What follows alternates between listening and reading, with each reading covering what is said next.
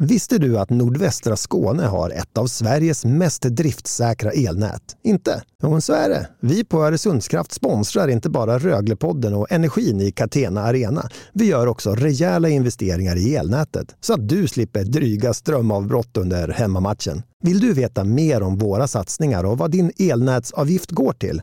Kolla in oresundskraft.se svarar.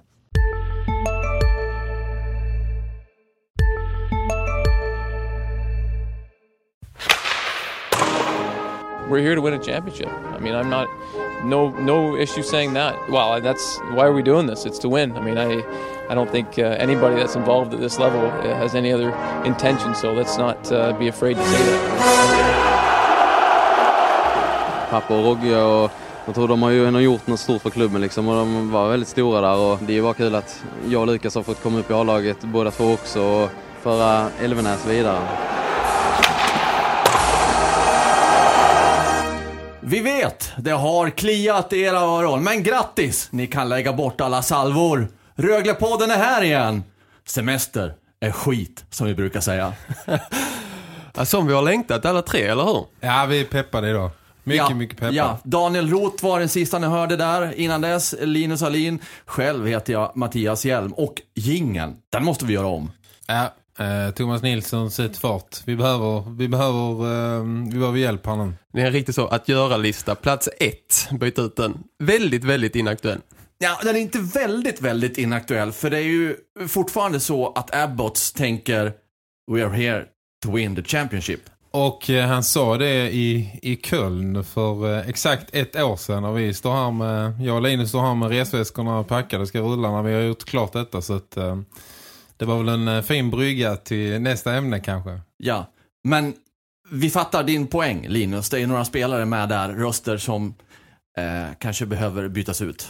Ja, faktiskt, eh, vi kan väl eh, bara hoppa rakt in i det här eh, Köln-ämnet. Rögle ska på träningsläger och spela tre matcher mot Gras, Langna och Köln. Matcher som vi sänder också på hd.se. Ehm, du och jag ska kommentera dem, Daniel. Mm. Skaffa er, om ni inte har ett premiumabonnemang så ser ni alla de tre matcherna utan ytterligare kostnad. Det är en bättre deal än så hittar ni inte den här helgen. Det är ju onsdag förmiddag och ni kastar er direkt från poddstudion nästan ner till eh, Köpenhamn antar jag. Mm. Precis. Och jag har faktiskt eh, en grej som jag skulle vilja gissa eh, vad ni tror att detta är för någonting när jag listar upp det. Eh, en ledtråd är att det är på, på ämnet men ni får, eh, ni får prova. Det är en laguppställning i alla fall. Eh, målvakter Justin Pogge, Ville Kolpanen, backpar, eh, Cody Coran, Jesper Williamson, Craig Shearer, Rasmus Sandin, Allen Bibic, Samuel Jonsson, sjunde back Daniel Bertov. Kedjor Lukas Elvenäs, Simon Röjfors, Ludvig Elvenäs. Andra kedjan Kristoffer Bengtsson, Taylor Mattsson, Olle Liss. Tredje Christian Thomas, Linus Sandin, Daniel Saar. Fjärde Leon Bristedt, Erik Andersson, Nils Höglander. Extra forward Balint Horvat. Och på läktaren Ted Botén, Ken Jäger, Don, eller Ben Jouts och Mattias Sjögren. Det var första träningsmatchen i fjol, line-upen. Exakt. Och hur många spelare från denna line-up är borta nu? 14. 14? 14 Jag skulle säga spelare. mer än hälften är väck.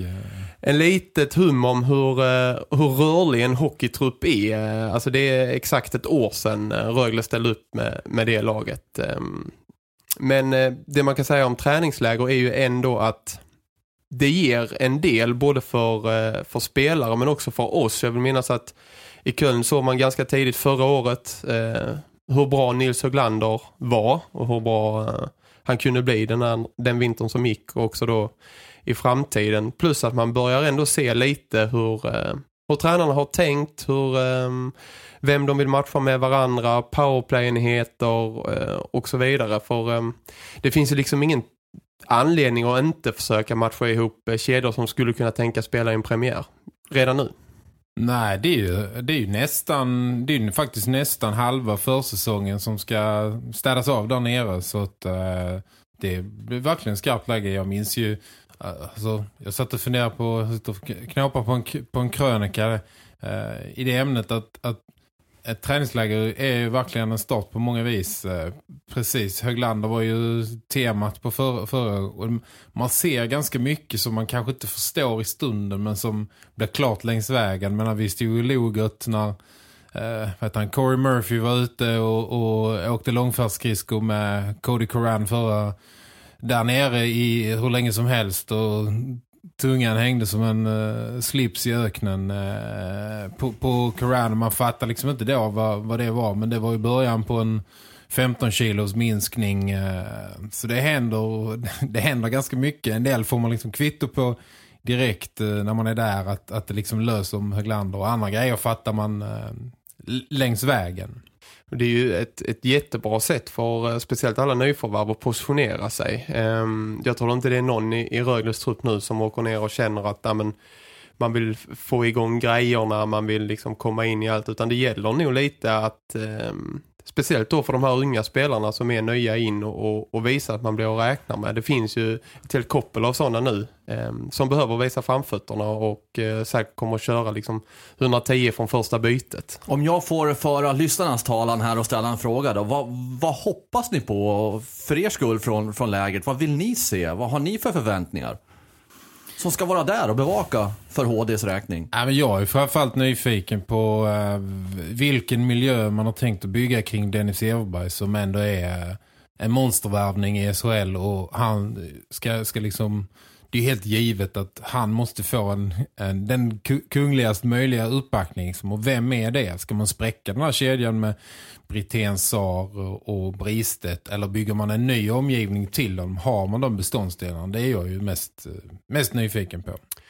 Jag är väl nyfiken på eh, dels det såklart men också Dominik Bock ehm, eh, som hämtades från Växjö, eh, tyske supertalangen Eh, hur ser han ut i en matchsituation i, i, sin nya klubb? Jag är nyfiken på Mattias Sjögren som eh, vid den här tiden för, för ett år sedan var satt på läktarna i de här matcherna och, och um, var på väg tillbaka av sin hjärnskakning vilket tog fram till mitten av november väl innan han ehm, gjorde comeback i, i matchspel. Hur ser han ut nu när han har fått en försäsong i kroppen? Eh, ser man skillnader i hans spel med tanke på att han bygger så pass mycket av sitt spel på att vara fysiskt stark. Eh, det är ju en jättestor del eh, för att han ska eh, kunna leda en kedja. Och det finns förresten en intervju med Mattias Sjögren i detta ämnet på hd.se nu. Jag misstänker också, precis som lyssnarna, att ni är väldigt nyfikna på det nya målvaktsparet. Ja, definitivt. Men jag ska bara säga innan vi lämnar det spåret att, att Sjögren och Everberg är ju intressanta tillsammans också. För man har rent om man tittar på truppen så rimligen, eh, om man nu inte ska spräcka kedjan med Britén, då är det rimligen runt Mattias Sjögren man ska bygga en sån kedja. Men eh, då måste ju samtidigt eh, Mattias Sjögren ha en oh, studsa iväg på ett helt annat sätt. Eh, han var ursäktad av många anledningar förra säsongen, men nu har han fått en hel försäsong. Eh, det ska bli ruggigt intressant att se om han liksom kickar igång på en högre nivå för och finns liksom den tredje, om man nu leker med tanken att det är de två, finns den tredje beståndsdelen i truppen. Um, alltså inte de två vill, gissar jag att man vill ha liksom dokumenterad kraft. Man vill inte ha någon som eventuellt blir bra i, i februari. Uh, så det, det, är kanske inte, det är kanske vare sig Höglander eller Bock. Eh, men finns den tredje beståndsdelen i truppen eller är det en, eh, en hotshot som är på väg in i truppen? Det, Ja, vi har ju spekulerat kring det lite grann att det är en plats till spets på ja. forwardsidan till öppen. Eh, när så har det jag resonerat och det känns ju som... Jag kan inte se det på något annat vis. Nej, och det, det handlar väl också om eh, nordamerikanska marknaden när spelare antingen blir... Eh, får en NHL-chans eller blir nedskickade AHL. Där brukar ju frigöras eh, mycket sent där. Så det, det finns ju eh, eh, säkert en anledning för Röjles ledning att ha lite is i magen och se vad som blir ledigt. Men vi kan väl stanna kvar vid det ämnet då, just eh, eh, Everberg, var, var ska han spela? Om vi tittar lite på Rögle och tränat och återkommer till målvaktsparet ja, ja, absolut, om en liten stund, absolut. Mattias. Men i och med vi är inne där så kan vi väl ändå berätta att Daniel Saat, Ted Brithén och Dennis Everberg har ju tränat tillsammans de här två eh, passen som jag har varit ute och kollat denna veckan. När Rögle då har börjat med 5 mot 5 spel, börjat med powerplay, boxplay. Eh, och eh, de har, den här trion har också varit en av powerplay-enheterna. Ska vi läsa in något i det? Ja men det kan man väl. Alltså varför skulle man annars matcha ihop de tre i båda, båda spelformer? Eh, och sen då eh, har Leon Bristedt spelat med Mattias Sjögren och Dominic Bock. Jag intervjuade Cam Abbott i, i måndags och han sa någonting att ehm, eh, jag citerar, inte ordagrant nu men andemeningen var att det kan finnas liksom en, en anledning att sätta vissa spelare i vissa miljöer så här års att man då eh, för att folk ska komma in i allting och liksom få igång kanske lite poängproduktion, målskytte, känsla. Att man sätter dem med mer etablerade spelare. Och jag har en liten teori där som jag vill lyfta mer. Alltså man sätter in Dennis Everberg med Britten och Sar. Även om Everberg är eh, spets från början så har man ändå en bättre chans att få igång Everberg fullt ut eh, från början i den miljön. Och sen sätter man eh, Bristet med Mattias Sjögren som man också behöver få igång i, som vi har varit inne på direkt tillsammans med Dominic Bock som är ny och eh, lovande och som man ser en jättekapacitet i. Kapacitet i. Eh, kan det vara ett sätt att få igång de här, alltså få igång Everberg, Bock, Sjögren genom att göra det här bytet? Vad tror ni? Ja, det är inte alls eh, otänkbart. Alltså jag fattar ju att, att sätta ihop uh, den här kedjan med Bristet, Britén och Sar nu hade ju varit rätt hål i huvudet från början. Men eh, alla kvitto som man behöver på att den enheten av kemi fungerar, de är redan hemma. Så de kan sätta ihop den till premiären och vet att den kommer att fungera. Uh, så det är väl helt, helt klockrent och det är väl, kan ju vara så att de kör fast under säsongen också så det är väl perfekt att, att prova runt och det är klart att Everberg är en spelare i det sammanhanget. Så jag tror nog att du har en, en poäng där. Framförallt en sån kille som, som Bock som man vill eh, ta hit. Liksom. Han är ju ganska beprövad ändå på SHL-nivå. Men man vill ju att han ska explodera här i, i vinter. Och då finns det ju... Ja, det är väl klokt att, att, att backa upp honom så mycket som möjligt för att det ska hända så tidigt som möjligt. Så att, uh, den förmågan har ju bristet. Han, alltså, är han i en kedja så kan han vrida upp den, sin omgivning till Alltså Absolut. två nivåer till bara av sin energi och närvaro ju. Absolut. Men, men eh, om vi stannar här och sen återvänder också till det du sa Daniel att du funderar på om det var någon hotshot på väg in här. Ni tänker alltså att eh, de här två kedjorna ni laborerat med namn nu, att det ska in en spets till där alltså? Ja, men vi, vi har lekt med den tanken, men både äh, Höglander och Bock har ju liksom snackat om att de vill spela ihop och det är väl inte det, det, ser ut att kunna fungera ihop med en, en, en stark center där, liksom, kanske Anton Bengtsson eller så. Så har man ju lekt fram en, en, en kedja till där. Och sen har man ett, ett uppsamlingshit lite grann med rätt utpräglade fjärdekedjespelare kvar. Men finns liksom den... Eh, vi tänker ju ändå att man försöker ändå bygga liksom två toppkedjor gissar jag. Är det någonting de lärde sig förra säsongen så är det att man kan inte stå och falla med en kedja produktionsmässigt. Du måste ha en till. Eh, det är väl rimligtvis där Everberg kommer in i bilden. Men äh, finns den liksom den ytterformen, det är väl där vi har äh, spekulerat och tänkt att jag tror att de har utrymme kvar i, i, i budget och jag tror att de är intresserade av att äh, det har ju till och med Chris Abbott sagt till mig när jag intervjuade honom för några veckor sedan att dyker rätt spelare upp så, så kommer vi att försöka agera. Mm. Vi kan väl ta de andra, lite backpar och sånt också när vi ändå är, är inne på det här, hur, Rögle har tränat. Ehm, eh, och det är ju Cody Coran har spelat med Niklas Hansson, eh, Daniel Bartov har spelat med Eric Jellina och Samuel Jonsson med Erlen Lesund. Och sen har Jakob Bondesson, Jakob Ragnarsson eh, spelat lite tillsammans och sen har även Hampus Lindholm ehm, varit med och kört med Rögle nu så det har blivit lite alternerande. Så där. han ut att ta plats Hampus? Han har nog tagit plats ja, om han har varit sugen.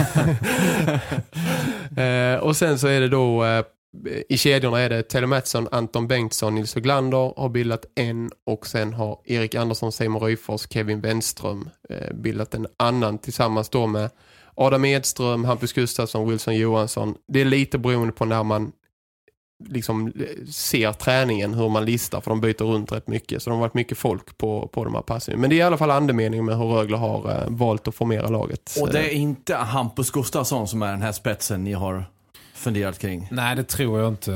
Eh, ta en plats så låter det ju som både på han själv och som att han är en, eh, en, eh, en spelare en bit ner i hierarkin som kommer att bidra liksom, med, hårt arbete. Han ska också bli intressant att se. Och min bild av honom är ju ganska grumlig. Han har ju varit i Nordamerika i, i åtta år. Ehm, så han är ju ganska oskrivet kort. Vi får kanske uppdatera den bilden efter helgen. Ja, eh, sett honom i två träningar och han har eh, varit eh, ja, men, alltså helt okej. Eh, kommer också in i en ny miljö, har väl inte stuckit ut jättemycket sådär men inte gjort bort sig på något sätt heller av det jag har sett. Eh, på det mänskliga planet verkar det vara en eh, trevlig, lugn kille som, eh, som är sugen på, eh, på att vända blad i karriären och göra något nytt. Han har ju några brokiga karriärer ba- eller eh, säsonger bakom sig i, i Nordamerika också. Men man ska också komma ihåg att även om det är en doldis så för två år sedan så skrev Washington Capitals ett tvåårskontrakt med honom. Ehm, det gör ju inte en NHL-klubb om man inte ser någonting i en spelare. Ehm, Eh, så visst, det kan säkert finnas eh, stor kapacitet i honom att, fylla en typ av roll i Rögle. Kan det vara ett hopp om ett nytt Bristedt fynd? Det tror jag inte. Eh, Eller, jag har sett till liksom att det kommer att vara en spelare som bidrar. Men de är väl, som jag har förstått det, två helt olika spelartyper. Men eh, eh, ja, jag vet inte. Det är vi, jag är ganska blank på honom. Det ska, det ska bli intressant att se. Jag vill inte säga för mycket. Men jag har två andra teorier och eh, tankar kring förväntningar och, och laget om ingen annan misstycker. Kör! Ehm, ja, men jag tycker det ska bli spännande att se. För menar, det som Abbots eh, ändå har, har byggt upp är ju någon slags kultur som eh, är- öppen och omfamnar eh, liksom, unga spelare som, som tar för sig. Det kan finnas liksom finnas hierarkier satta i ett hockeylag men jag tycker att det visade sig redan i Köln liksom, att är det någon som Nils Höglander var ju verkligen en sån som inte stod och väntade. Han gick och ställde sig först i alla köer liksom och, eh, och det finns ju verkligen en miljö som, som främjar det, som, som uppskattar det.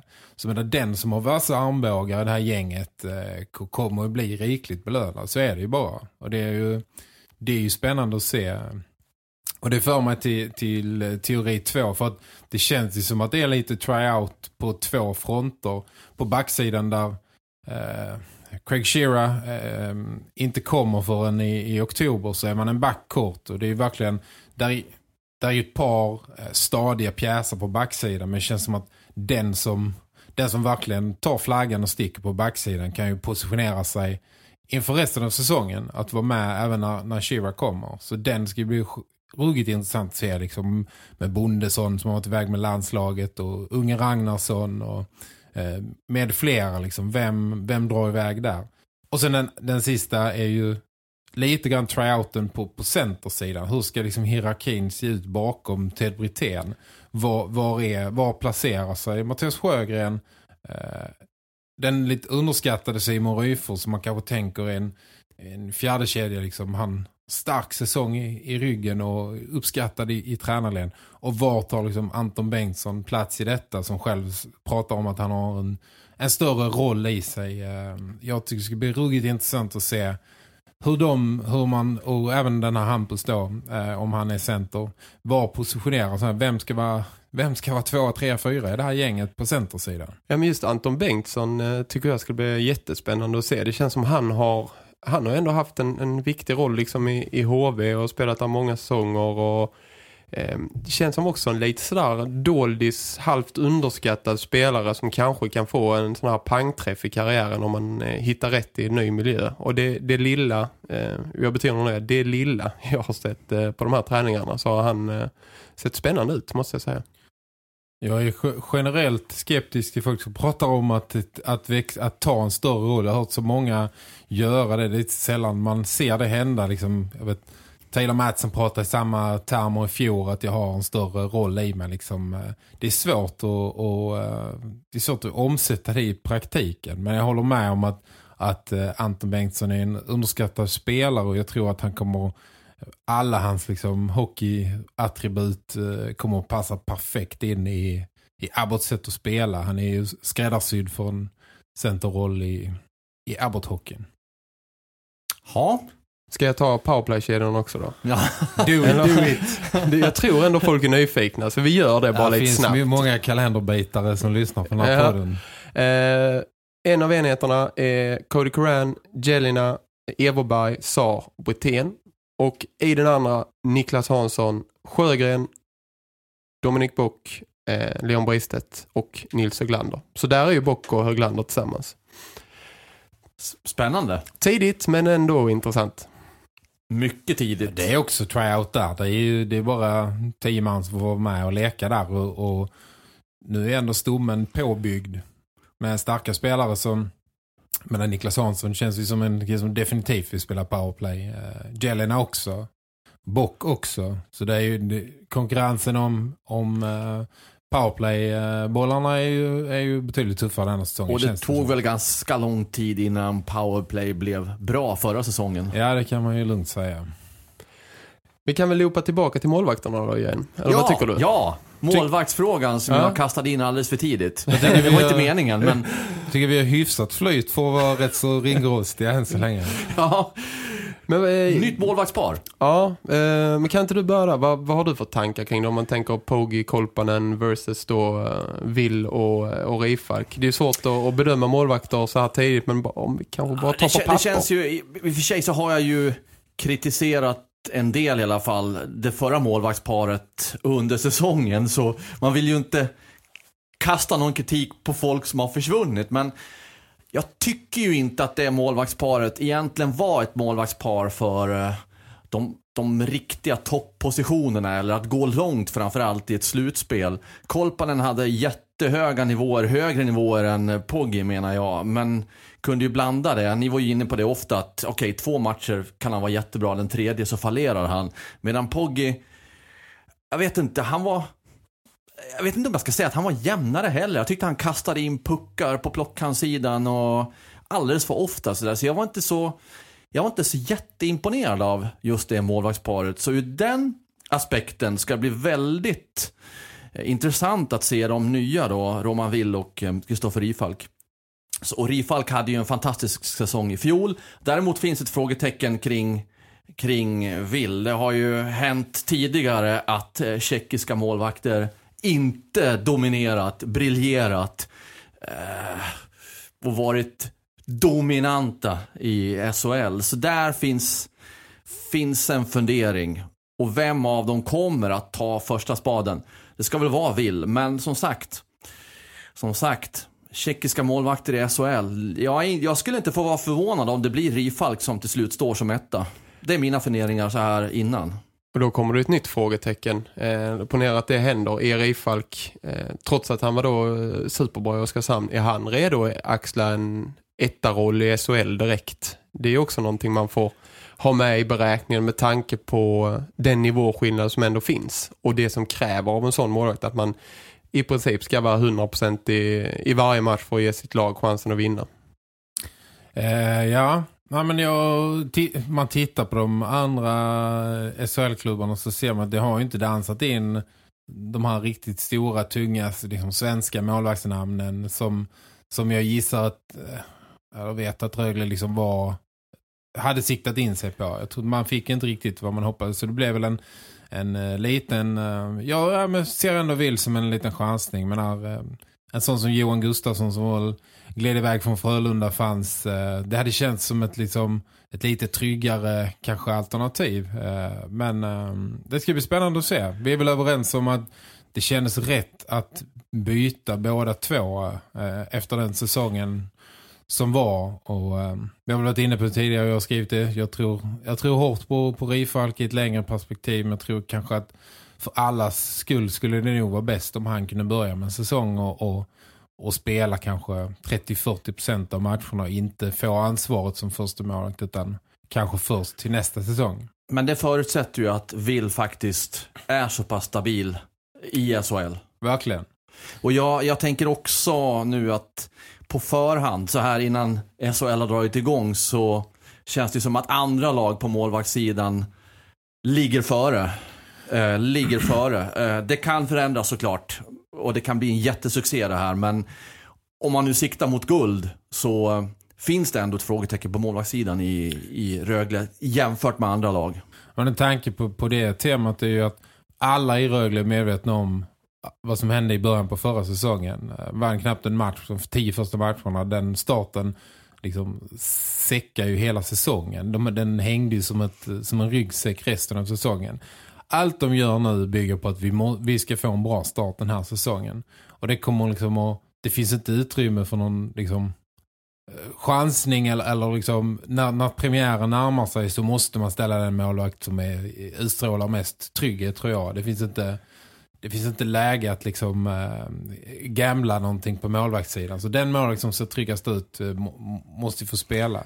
Och det, då, då kanske det... Det hade ju varit ett annat läge med en, liksom en riktigt etablerad målvakt som man har vetat redan nu att men, han kan stå i premiären för han, han är lugn och fin med det liksom. Men det där, finns, har de ett, där ja. har de ju ett lite större osäkerhets... eh, Ja, och det finns ju en liten parallell, även om det är helt nya namn och sådär med, med två, för två år sedan, när jag var nere i Köln och då var Emil Kruse ny och Kolpanen var ny. Och Kolpanen skulle vara given första målvakt. Och jag vet när jag åkte därifrån att jag kunde tycka att, men har inte Kruse varit bättre här där, när han spelade? Det fanns den där lite känsla av en obalans redan där och Kruse hade ett fantastiskt kvalspel innan han kom hit. Precis som Rifalk har haft nu då. Så, ja, det vill allt till att målvakterna är med från start. Det vill allt till. Ja. Bra igen. Kul. Har du också valt att bli egen? Då är det viktigt att skaffa en bra företagsförsäkring. Hos oss är alla småföretag stora och inga frågor för små. Swedeas företagsförsäkring är anpassad för mindre företag och täcker även sånt som din hemförsäkring inte täcker. Gå in på swedea.se företag och jämför själv. Hej, Synoptik här. Hos oss får du hjälp med att ta hand om din ögonhälsa. Med vår synundersökning kan vi upptäcka både synförändringar och tecken på vanliga ögonsjukdomar. Boka tid på synoptik.se. Ja, men det vill till att Will sätter ner foten från start här eh, redan i Köln och visar liksom att han är en pålitlig pjäs. Eh, Det tror jag skulle... eh, Det, tror jag, det lugnet tror jag att lagledningen och laget skulle behöva få. Ska vi gå vidare framåt nu mot, jag stapplar mig fram på orden lite nervös här över att jag tar ut något i förskott. Men ska vi gå framåt i, på planen till backsidan? Ja, men gör det. Som du och jag har pratat lite om, Linus. Och även eh, du och Daniel, att det finns någon som har alla möjligheter att ta flaggan här och positionera sig inför Shiras återkomst. Ja, men det är väl en... eh, Den, det, är väl det är väl inte ensam om att tycka att jag tycker om det finns lite frågetecken på målvaktssidan så Eh, är, finns det väldigt många utropstecken på, på forwardsidan. Eh, Backsidan också lite frågetecken som jag ser det. Inte jättemånga eh, spelare som man kan säga här blir det 100% i leverans eh, från dag ett. Jag tror, som vi har sagt och pratat om, trillar pusselbitarna rätt för dem på, på backsidan, att folk tar steg i förmodad liksom, riktning, då kan det bli jättebra. För det finns, hur mycket, det finns väldigt mycket spännande namn på, på backsidan. Men jag ser inte samma liksom, dokumenterade power som på forwardsidan. Men är backsidan uppgraderad då? Jesper Williamson ut, Allen Bibic ut och in har då Erlend Läsund kommit, Niklas Hansson då, stort namn, Jakob Ragnarsson. Man får väl nästan, det är inte helt sant, men nästan betrakta Erik Jelina som ny. Han kom ju väldigt sent under förra säsongen. Och du måste räkna Jonas Arnelöv som en... Ja, Jonas Arnlöv självklart också. Ja. Mm. Ja, men just uh, Jelina har jag, ehm, eh, liksom när vi, vi tänker träningsläger, första träningsmatch, och det är en spelare som jag kommer att hålla ögonen på lite extra. Eh, tittar man på hans meritlista rent krasst och låt säga att han inte hade spelat de här sista matcherna i Rögle och Rögle hade varvat honom nu under sommarmånaderna, då hade man direkt sagt en spetsback, en, pang, Verkligen, en pangvärvning Rögle har gjort. Han kom till Rögle eh, skadad, hade åkt runt i, i, eh, vad var det, Li- Limerick? Nej, det var det inte. De är ju i Tjeckien. Men eh, i något eh, slovakiskt eh, KL-lag och, och förlorat hela säsongen i alla fall. Eh, och kom in, behövde liksom eh, reparera skadan snabbt för att vara redo för de sista matcherna. In i de absolut hetaste matcherna för säsongen. Om vi ska spekulera fritt, kanske inte i, i liksom i någon slags fysisk eh, toppform efter den Precis. säsongen. Låg säkert efter övriga i fysvärlden och annat.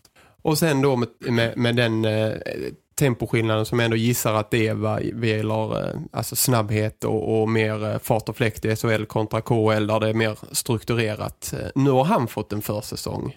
Han vet vad som väntar. Kan han anpassa sin skridskoåkning lite och ta den till nya nivåer och liksom kunna städa, städa efter sig själv och andra i egen zon och ändå ta med sin offensiv spe, offensiva spets in i ett powerplay även 5 mot 5 spelet då kan det bli jätteintressant. Så eh, ska det bli spännande att se var han står redan i de här första matcherna eh, när han har eh, för han, han har ändå varit med i Rögle ganska länge nu.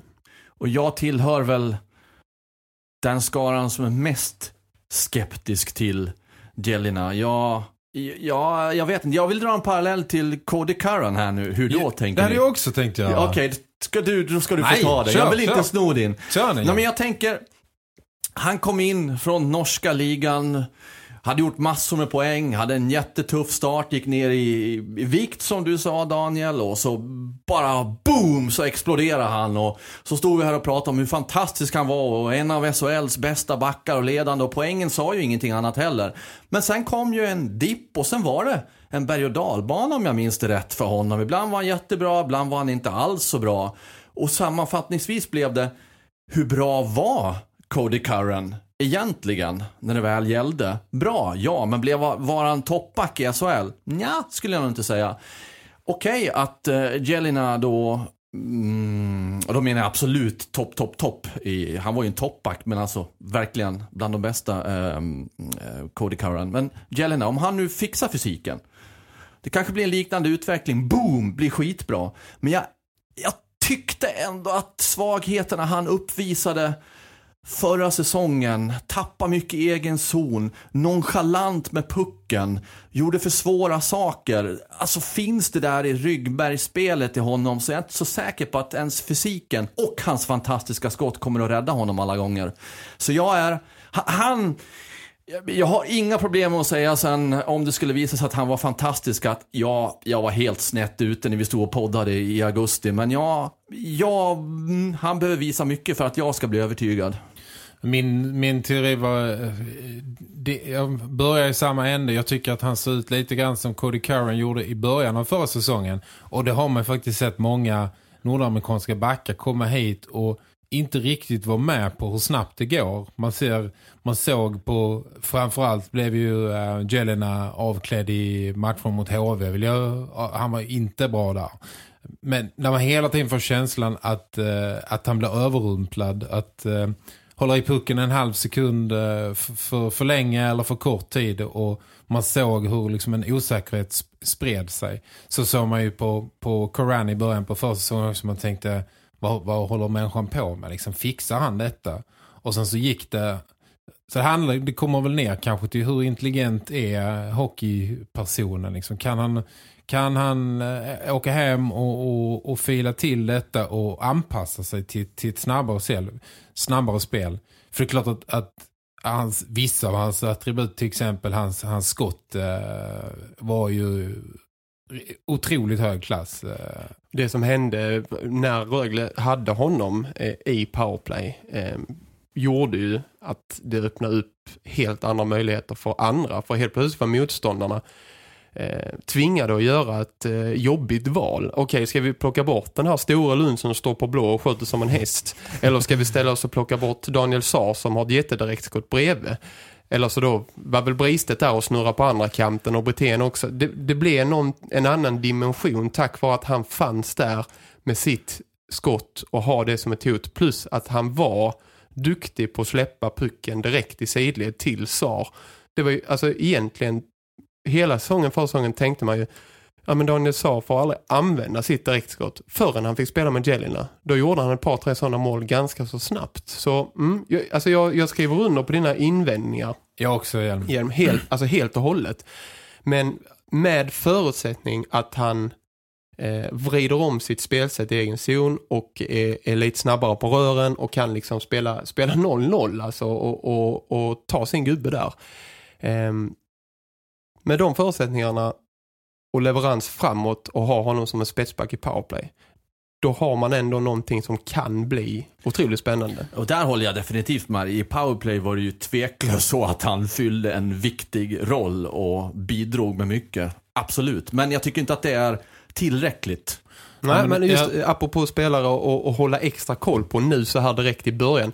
Vissa vet man var de står. Ted Brithén kommer liksom och, och han kommer göra sina poäng. Han kommer och, och jobba igång sin kropp efterhand. Han vet precis vad han ska göra och så på den här nivån. Eh, tar man då Jelina så är det ju en kille att hålla koll på eh, liksom lite under lupp de här första, första tre matcherna även då längre under försäsongen. För det kommer att skicka en rätt tydlig signal. Ja, men jag, jag håller med. Jag, jag är inte heller övertygad om att han har den här uppgraderingen i sig. Det ska bli intressant att följa. Däremot är jag säker på att utslaget över en säsong och har honom i powerplay så har de en, en topppjäs i den rollen. I, i att ha en, en gubbe på blå som kan mata, mata pass eller skjuta med sitt betongskott. Där har de ett, eh, där har de en toppkraft i just den detaljen. Mm. Då känns ju Niklas Hansson, för att beröra honom också, hemvändaren som ett betydligt säkrare kort. Och som Rögle kommer att ha stor nytta av. Ja, men jag, det, det är klart att alla förväntar sig det och jag tror också att han kommer att bli en eh, väldigt betydelsefull back. Men det, frågetecknet där handlar väl om att senast jag såg honom här hemma, han var ju inte ordinarie i, i HV alltid då. Sen har han två säsonger i, i AHL eh, och det är klart att han har utvecklats där, men hur kan han omsätta det i SHL-praktik? Det är också, ska också bli intressant. Eh, jag tror på sikt att det blir jättebra. Men eh, det måste, man måste ändå kunna sätta någon slags frågetecken kring var står han? Ja, man kan ju inte lura i någon av våra lyssnare att vi har suttit upp på nätterna och sett hans AHL-matcher. Alltså det är ju, eh, man har inte sett honom spela på i princip eh, två säsonger. Eh, så det är klart att det är en omöjlighet för, för någon av oss att veta exakt var han står. Och det är också någonting som kommer att visas under försäsongen ju. Vad har hänt med honom som back sen han lämnade HV under de här två åren i AHL? Han har ju själv pratat om att han har blivit defensivt starkare, att de har... Alltså, Hans NHL-klubb då har velat att han ska utveckla det och han har lagt mycket fokus på det för att sen kunna kliva fram där han vill vara offensiv powerplayback som levererar och hänger med upp i anfallen. Men, som sagt, var står han just nu? Var kommer han att stå när det är premiär första 5-6 omgångarna? Vi vet inte. Jag måste bara säga kort eh, innan vi lämnar den här backsidan, Jag gjorde en intervju med Cody Curran eh, nu under försäsongen och det var det, det var en, en av de häftigare intervjuer jag har gjort på länge. Alltså det var väldigt häftigt att Eh, efter den, den förra säsongen med den resan med honom från liksom stabbig vingelpelle till eh, alltså när han var som bäst hur han dominerade matcherna fullständigt. Det var framförallt intressant att se hur det brann i honom. Alltså hur han bara de, de citaten liksom, det har jag aldrig kunnat läsa liksom vad han sa men att titta på honom liksom när han, han snackar om I'm all fired up I'm gonna take this league with storm eh, han var det var verkligen eh, det brann i de ögonen alltså. han, han är här med det var otroligt häftigt att se hur eh, hur peppad han såg ut och inspirerad han såg ut Ja, det, det är någonting som jag kommer att titta en hel del på under säsongen. Tar han ytterligare ett steg? För jag tänker att efter att han dominerade som han gjorde och var briljant i match efter match och sen gick ner sig så tänker jag att det kan ha att göra med att andra lag givetvis har börjat tänka till. Okej, vad, vad är hans styrkor? Vad är hans svagheter? Vad är det som gör att han kan bara segla iväg och vara helt överlägsen på isen. Och sen så kom ju en, en dipp med honom. Kanske var det att andra lag faktiskt lärde sig att ta honom på rätt sätt, på ett annat sätt. Vilket gjorde att hans eh, dominans inte var lika påtaglig. Och det är där jag tänker att kan han komma upp på den nivån nu med tanke på att andra lag scoutat honom bättre. Det ska för mig bli väldigt eh, intressant att följa. Jag tycker också det är intressant att se för att han pratar mycket i de termerna att för säsongen var liksom en, en resa för honom på, liksom både som hockeyspelare och, och människa. Han hade inte blivit riktigt utmanad där han hade varit tidigare och det var lite konflikter med, eller hårda ord med, med Abbots och, och så. Eh, innan han liksom växlade spår och kom på liksom vem, han, vem han ville vara som han sa. Eh, så jag tror att det var nog en, en känslomässig liksom, resa för honom förra säsongen eh, som nog kan förklara en del av de här höga höjderna och, och djupa dalarna. Men visst var det ju ändå så att, att det var ju länge som man såg en back dominera vissa matcher så tydligt. Och kan han liksom vässa sin effektivitet lite grann. Men hur många matcher... Ah, det kändes som att han hade två, tre frilägen eller helt öppna målchanser i varje match. Ja men det ser ut som allmänhetens åkning några gånger när han bara traskar igenom ett helt försvar och sen bommar han ju frilägena i princip varje gång. Alltså, jag har aldrig sett en människa missa så mycket eh, öppna lägen som han. Eh. Ja, det skulle vara intressant att se ett highlights-paket på honom på försäsongen. Hur mycket fria, hur mycket öppna målchanser. Jag, nu kanske jag är ute på väldigt djupt vatten men jag har svårt att tänka mig att det finns någon annan spelare i SHL som kan ha skapat eller blivit serverad så mycket öppna målchanser som, som han under försäsongen. Mm. Och då vet vi också att det är en, en kille som faktiskt är van vid att göra poäng, vilket gjorde det ännu mer förvånande. Jo men det är det, men jag, jag kan ändå se honom 14 kilo lättare än för säsongens början. Han vet exakt vad som väntar eh, med den liksom skallen han har. Får han rätt på sin Eh, effektivitet och att det börjar rulla för honom i början. Att de kanske hittar rätt roll till honom i powerplay in till Gelina när han kanske inte ska stå uppe på blå. Han får kanske smyga ner när han fick lite där han börjar liksom bomba in lite mål när Precis, han fick hoppa ner runt ut. cirklarna. Mm, eh, det är så de har ställt upp nu också. Då skulle jag kunna se att, eh, att han liksom flyger till KHL, att han gör 20 mål och, och spelar i KHL nästa säsong en liten... Det var inte flög iväg igen. en, liten, en liten förlängning på resonemanget bara som, som dök upp i mitt huvud precis just nu. Eh, det handlar väl lite grann för hans del också om prioritering. När man kan vara så dominant så får man ju ofta hård bevakning på sig. Vilket ju, precis som du är inne på Hjelm, hände under andra halvan på säsongen och, och framförallt när, när Rögle mötte HV i slutspelet. De gick väldigt hårt på honom för att ta bort honom kan man då anpassa sitt spel lite och göra sina grejer när det är läge men i andra lägen utnyttja för lagets skull det faktum att man har så pass hård bevakning på sig. Släppa pucken till, till medspelare i rätt läge istället för, för att frigöra kraft. Alltså dra nytta av att man har stort fokus på sig. Då kommer även assistpoäng och så trilla in såklart. Men det tror jag också är nyckel för att han kommer inte in i SHL på samma nivå nu. Han kommer in i SHL på en nivå där motståndarna är otroligt medvetna om dels vad han gör för grejer, hur hans eh, liksom, ja, med fintar och allting, liksom, eh, hur han brukar ta sig förbi sina motståndare, hur, hur han gör det. Eh, också vilken spets, spetsback det faktiskt är. Så han kommer ju nu, om, om de andra lagen tänkte, ja men det är en back av alla i, i de första liksom 15 omgångarna eller 20 omgångarna eller vad man nu ska säga. Så från omgång ett nu så kommer han ju att ha den här spotlighten på sig från motståndarna. Ja, ja. det vet ju alla. Och alla måste ju plugga den här innebandydragningen eh, som man skapade 25 av sina frilägen med i fjol eh, när han drog pucken till sig eh, väldigt snabbt. Så det är helt, när de gör sina matchgenomgångar så är jag helt övertygad om att, så att den här Coran ska inte ha eh, två frilägen den här matchen. Eh. Men jag tror att det är bra för honom själv. Jag tror att det är jättebra till och med att han vet om det här och att han får en tuffare start från början. Och jag tror också att han kommer att göra en fantastiskt bra säsong. För har man de kvaliteterna i sig som han faktiskt har, då kommer man att kunna utnyttja dem. Det finns ju där, verktygen finns Precis. ju där. Det är så många spelare som får träna sig till saker och aldrig kommer upp till de kvaliteterna i spets som han faktiskt har. Det är klart att nej, det kommer att bli en kanonsäsong för honom. Men han, han är ju närmare sig faktiskt. Han pratar också i de termerna att jag ser det som att det är nu det börjar. Liksom. Han är ju närmare sig 30 men han har ju gett sig själv i alla fall alla förutsättningar. Om inte han tar den här ligan med storm så är det, så är det bara hans eget, eh, så är han själv som inte har eh, lyckats. Han har alla förutsättningar för det i alla fall. Ja, då har vi plöjt igenom mycket av lagen. Forwardsidan har vi ju varit inne så mycket på tidigare. Så att vi går vidare i det här avsnittet. Och Daniel, du står med en lunta papper. Och jag ser bara Gmail där. Det betyder att du har mail framför dig. Vad är detta? Du sa glad ut också. Det är inga arga mail. Man blir glad av Solveig. För hon skickar... Eh, får jag bara läsa ett eh, så här självförtroende höjande mail? Gör det.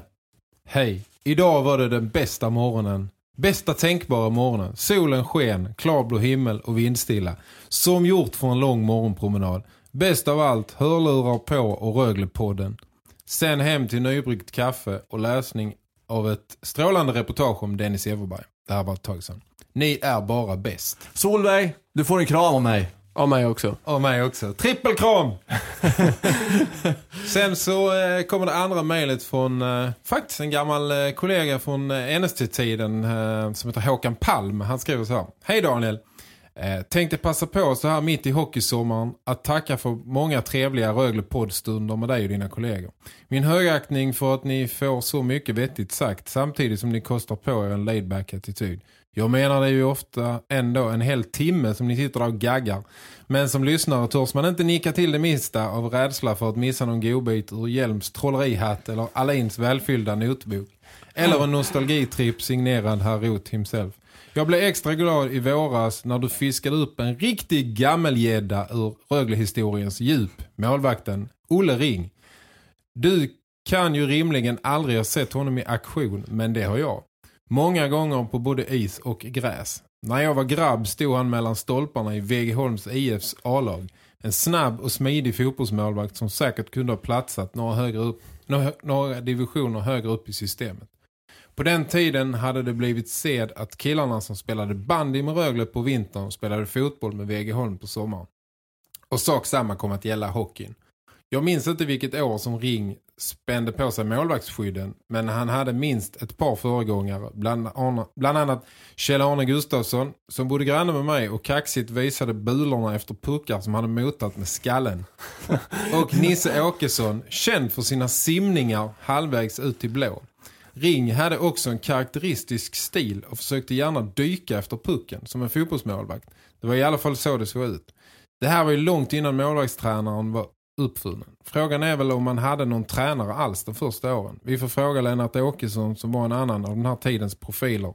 Jämte Börje Svensson, tung back och senare lagledare. Och Sven Morin, fjösaren kallad på grund av sitt lama skott. På tal om skott minns jag att på 50-talet var slagskottet okänt. I alla fall bland Rögle-publiken. När någon råkade drämma till pucken på slagskottsvis kallas det för bandyslag. Men märker jag att jag liksom Nisse Åkesson är för långt ute och simmar. Låt mig bara lägga till att jag ser fram emot en ny säsong med fler roliga poddar. Glad sommar. Fantastiskt! Fjösaren. Fjösaren. men, men vad hette målvakten? Ring? Olof Ring. Ja, vi har Ring. haft honom uppe. Jag får man det var i slutet på 60-talet. Och eh, för mig bara... Det lät ju nästan som Kolpanen. Puck i huvudet, dök efter pucken. Ken Men- Ring. Men du Daniel, de här eh, gamla Rögle-lirarna, är något du ämnar ta upp den här säsongen också? Ja, jag har ju fortfarande en cliffhanger som hänger sen i eh, mars som jag måste gå i mål med. Ja, ja, hot, ja, jo, ja, min ambition är att eh, fortsätta denna tradition. Är det inte väldigt uppskattat bland Rögle-fansen? Jag vet inte, jag får mycket mejl och påstötningar om detta så jag tror att eh, den har sin publik. Jag tycker du ska köra vidare. Det kan vi bestämma. Vi klubbar. Absolut, vi klubbade så har Daniel någonting att verkligen grotta i vecka efter vecka. Precis. Härligt. Och vi får bara stå här och lyssna. Det är väl härligt? Ja, och äh, det är fantastiskt med, med det stöd och det support och alla kommentarer ni skickar in till oss. Jag lovar, vi blir inte självgoda. Jag blir inte i alla fall, jag kan bara prata för mig själv. Nej, det behöver inte. Nej, så är det sagt också. Ja, reklam ska vi göra för eh, det som kommer. Vem tar den flaggan? Ska jag ta Linus tar flaggan. Ja men som sagt, eh, jag och eh, Daniel tillsammans med Björn Lilja som har hand om teknik och kamera tar oss alldeles strax här när vi har avslutat den här podden oss ner mot Köln för att hållbevaka Rögles träningsläger. Vi kommer alltså att sända alla Rögles matcher där nere, alla tre. De spelar på torsdag mot Gras på eftermiddagen. Eh, på fredag mot Langnau på kvällen och sen en sen eftermiddagsmatch mot Köln på söndag. Och det är alltså kostnadsfritt för alla premiumkunder. Så har du inte ett premiumkonto, se till att skaffa det så du kan hänga med oss nere i eh, Tyskland. Och det kommer att vara otroligt mycket mer för de, eh, för de pengarna. Vi, vi siktar på att göra studio-tv och vi kommer att göra intervjuer och eh, ja, mycket annat. Vi ska, vi ska slita, det lovar vi. Gillar du Rögle, och det gör du, för annars skulle du inte lyssna på det här, så finns det liksom ingenting att tveka på. Känns det som. Nej, nu har vi startat upp säsongen eh, här i den här poddstudion och så nu är det bara att, nu är det bara att gasa hela vägen. Ja, hela vägen ner till Köln till att börja med för er del. De motståndarna Rögle har Vet ni vilka bekanta namn som finns i dem? Har ni koll på det?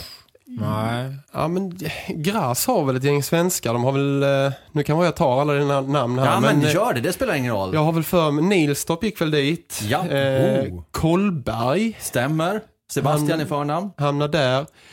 Är inte Jo Hilding, eller? Ja. Han är också där. Ja, en gammal ängelholmare. Ja, visst. Eh, sen vet jag inte fler. Är inte han kapten där till och med? Vet inte. Spelar inte gamla Färjestadaren eh, Micke Johansson i Langnau? Ja, jag tror... Jo. Han gjorde det i fjol. Är han kvar där? Nej, vet inte. Ja, I Langnau Det ger sig. har ju för övrigt en tränare som ni känner igen. Heinz Ehlers. Ja, Mm. huvudtränare. Sen då? Köln. Vem finns i Köln numera? Är det han, eh, Ja, det är han. gamla tysken i Rögle? Nej. Nej. Felix Schütz tänker du på? Ja. Nej, nej. Nej, jag skyller på sommarrost. Kom igen nu! En Rögle-spelare som är inte... Alexander Barta. Nej, det är mycket färskare än så. Var är här för två säsonger sedan? För två säsonger sedan. En det tysk. Nej, inte en tysk. En svensk. Nej, Han är transatlant.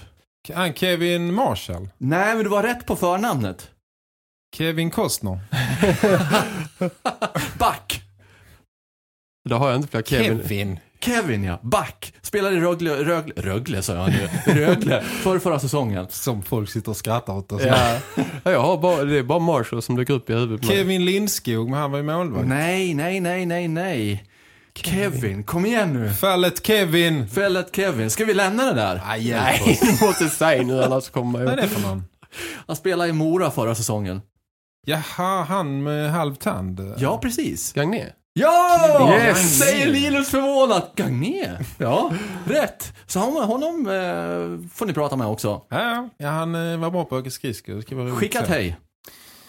Mm. Och hej då till er då, eh, som drar till Köln och hej då till er som har lyssnat och eh, som sagt, nu blir det mycket Rögle. Ja, Så häng i bara. vi kör väl nästa vecka också va? Och så summerar vi eh, det här träningsläget och, och grottar ner oss i allt som har hänt och, och allt vi har sett. Någon av er har önskat ett långt poddavsnitt nu. Det blev det. Det blev över 50 minuter, så du är nöjd i alla fall. Auf Wiedersehen. Hej med er. Hej!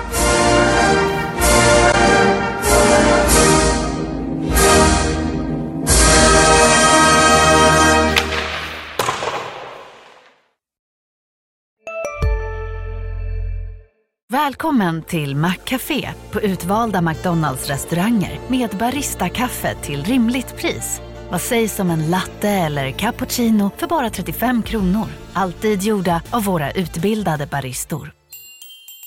Hej, Susanne Axel här. När du gör som jag och listar dig på en av Krys vårdcentraler får du en fast läkarkontakt som kan din sjukdomshistoria. Du får träffa erfarna specialister, tillgång till lättakuten och så kan du chatta med vårdpersonalen. Så gör ditt viktigaste val idag, lista dig hos Kry.